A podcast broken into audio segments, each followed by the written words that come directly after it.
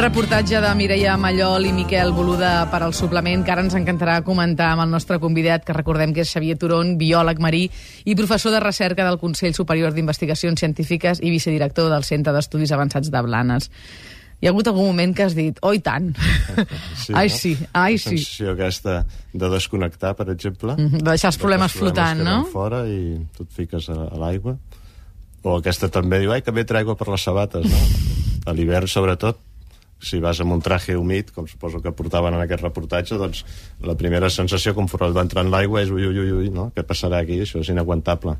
Però no, després s'estabilitza la temperatura i pots, pots anar fent, sí. En Xavier en sap molt de fer immersions, però també ha fet molta recerca al fons marins de llocs com les Bahamas, de l'Àfrica Oriental, a la Gran Barrera Australiana, però sobretot, sobretot, treballes al litoral català. Efectivament. quin diagnòstic fas d'aquest litoral? Bueno, litoral, el nostre litoral, el Mediterrani en general, doncs, és un mar que, que està malalt, no? no? Cal dir que hi ha moltes coses que no estan com quan es van començar a estudiar, com fa eh, 30, 40, 50 anys, no? I a la seva vegada, quan vam començar a estudiar, ja la situació ja no era la natural, no? Vam començar a alterar aquest mar molt abans de que hi hagués biòlegs marins que l'estudiessin, o sigui que en molts casos també ens falta saber eh, realment quina era la situació no alterada de Mediterrània. Però bé, només amb la amb l'època recent doncs, ja hem vist eh, efectivament que hi ha molts canvis no? i uh -huh. també hem vist mesures correctores no? en les últimes dècades doncs, hem avançat molt en, en corregir alguns dels problemes que hi ha almenys en els països més del, del nord de la Mediterrània no? sota, uh -huh. moltes vegades obligats no? per directives de la, de la Unió Europea Mhm. Per tant, tot i que molt sovint les notícies que ens arriben són tirant a pessimistes, tu fas una valoració no tan apocalíptica? A veure, eh, el que és difícil és fer una valoració general. Per exemple, si parlem dels peixos, la cosa ha canviat molt i hi ha problemes importants. Si parlem d'altres grups d'organismes, potser la- l'afectació és, és més petita. Eh? Llavors, doncs, bueno, eh, s'ha de mirar una mica cas per cas, no? però és un mar alterat, això és innegable. Eh? Uh -huh.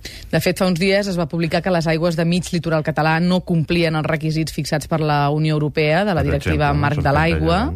Això vol dir, no és que l'aigua estigui bruta, és que no reuneix les condicions necessàries perquè la fauna i la flora autòctones es desenvolupin. Es desenvolupin. És així, no? Bé, efectivament, el que vol dir és que la, la Unió Europea posa unes normatives eh, bastant estrictes i aleshores aquí, a pesar de, de l'esforç que, que s'ha fet no, de millorar la qualitat de les aigües, alguns paràmetres encara estan fora d'aquestes normatives.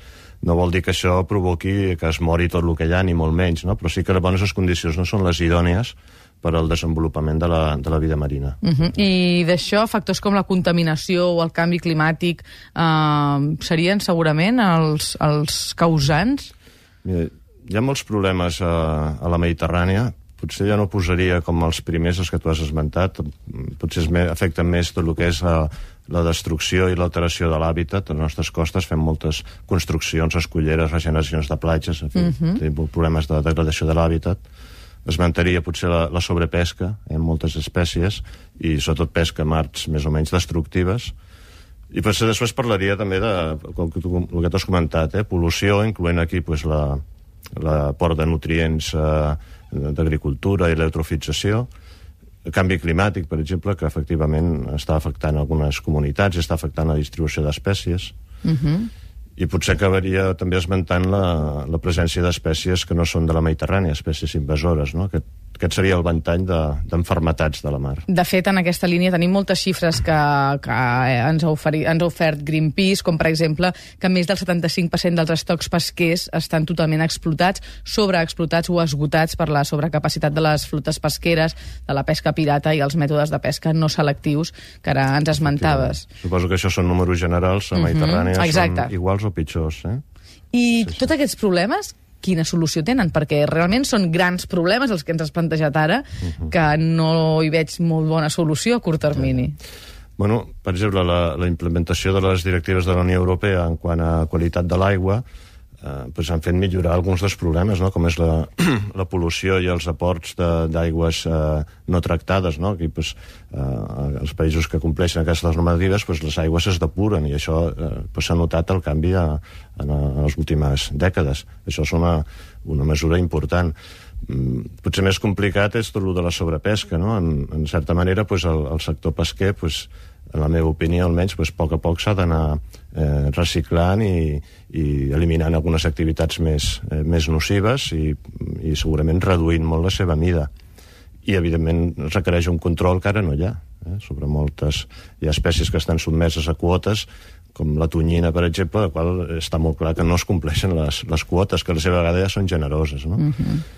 I una tercera línia d'actuació per mi seria l'establiment de, de zones de, de protecció, zones de reserves marines, especialment aquelles on no es pot fer extracció de, de recursos. No? Aquí ens queda també molt, molt camp per avançar perquè tenim una, un nivell de protecció amb un percentatge pues, molt reduït. No? Aquest nivell de protecció s'hauria d'augmentar i, i arribar a protegir una part significativa del, del nostre litoral. Fa la sensació que com està sota l'aigua, no es veu, no ens n'adonem, no ens afecta. Uh, efectivament. Eh? Ara tenia aquí estat xerrant amb en Pere Tàpies abans uh -huh. d'entrar de, i m'ha recordat aquell, aquell dit que tots diem, no? O això ho fotré al mar, no? Exacte. al mar. Això ja reflecteix una mica la, la postura que tenim respecte al mar. I és perquè no ho veiem, no? Si veiéssim l'equivalent en terra d'algunes de les eh, activitats extractives pesqueres, per exemple, que fem, ens estiraríem els cabells, no? Un altre motiu per estirar-se els cabells és que, per exemple, en els últims 20 anys, a la costa espanyola, mm, la nostra al final, s'ha destruït la superfície equivalent a 8 camps de futbol al dia.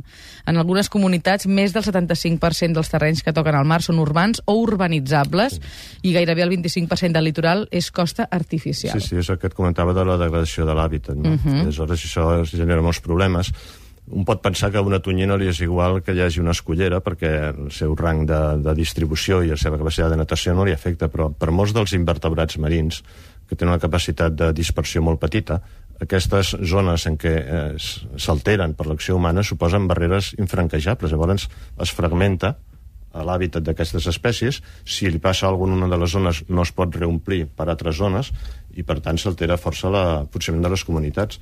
A més, hem vist, hem fet estudis al respecte en la zona de l'Adriàtic, que totes aquestes estructures artificials que posem a l'aigua normalment no s'omplen de les espècies autòctones, sinó espècies oportunistes, que moltes vegades són espècies vingudes de fora, amb la qual s'estableix una barrera no només de distància, sinó més biològica, perquè aquestes espècies impideixen a les espècies autòctones que vagin establint-se i, per tant, puguin anar passant d'un lloc a l'altre. I ara et faré una pregunta que potser et sona per volar-hi, però jo te la faré igualment. Segur que no.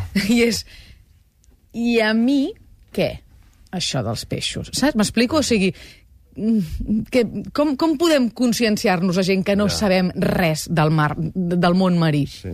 Bueno, jo faria primer la translació del, del món terrestre. Jo crec que ningú es pregunta si s'ha de conservar o no el Montseny, per dir alguna cosa. Uh -huh. eh?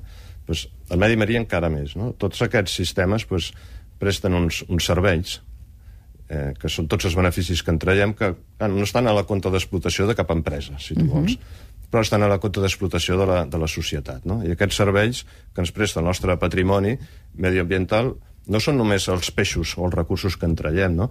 sinó que també pues, ens dona tota una sèrie de, de, de marc físic, eh? el, el mar produeix oxigen, gràcies a aquest oxigen tenim la capa d'ozó, es reciclen nutrients, s'estabilitza el clima, eh, s'eliminen toxines, etc etc etc. És a dir, eh, els sistemes naturals els hem de conservar, els hem de conservar bé per bé de la humanitat, no? És un patrimoni... Com si fos el nostre propi cos, no? Pel, pel que m'estàs dient... Efectivament, eh? ni més ni menys. No som conscients a vegades de que potser sense cotxes, sense avions, si mai arribés a cas podríem passar, però sense sistemes naturals saludables no podríem passar perquè això alteraria moltes altres coses uh -huh. del, del funcionament del planeta en general. I si agaféssim ara una eina tipus Google Earth en el fons marí del litoral català, què hi veuríem? Què ens hi trobaríem? Pues, de fet, es coneix bé la cartografia litoral català. L'Institut Català de Cartografia té treballs fets per equips de la Universitat de Barcelona, la Facultat de Geologia, o sigui que el coneixem bastant bé. Uh -huh. el, el fons català, doncs, com altres fons, tenim el que se'n diu una plataforma continental, que vol dir tota la fundària que està, posem, entre eh, fins a uns 200 metres, no? Aquesta plataforma, doncs, eh, per entendre'ns, a la zona sud pot ocupar un, fins a 30 o 40 quilòmetres mar endins, a la zona nord també és bastant ampla i la zona mitjana, eh, davant de Barcelona, potser és de 15 quilòmetres, una cosa així. Després d'aquesta plataforma ve un talús, bastant pendent, i eh, aleshores ja aquest talús arriba fins a uns 2.000 metres, a partir del qual ja comencen els fons a, avisals, no? I una característica nostra litoral, sobretot a la zona nord, és que aquesta plataforma més o menys plana, fins a 200 metres, està tallada per una sèrie de canons submarins. N'hi ha tres principals, no? el de Blanes, el de la Fonera davant del Cap de Begur i el de Cap de Creus, no? Aquests canons són com talls fets en ganivet en aquesta plataforma, són zones on hi ha moltes corrents, on hi ha comunitats molt diverses i que s'han d'estudiar i, i protegir, justament. Uh -huh. I a nivell més anecdòtic, hi trobaríem algun vaixell que es vegi fàcilment? Vaixells eh, enfonsats doncs, se'n coneixen, efectivament, sobretot a, bueno, la Costa Brava es diu Costa Brava per, per alguna cosa, no? I aleshores, per exemple, a la regió zona de Cap de Creus hi ha diverses eh, vaixells enfonsats més o menys localitzats. Eh? Uh -huh. I alguns surten a les guies de submarinisme, o sigui que es poden visitar.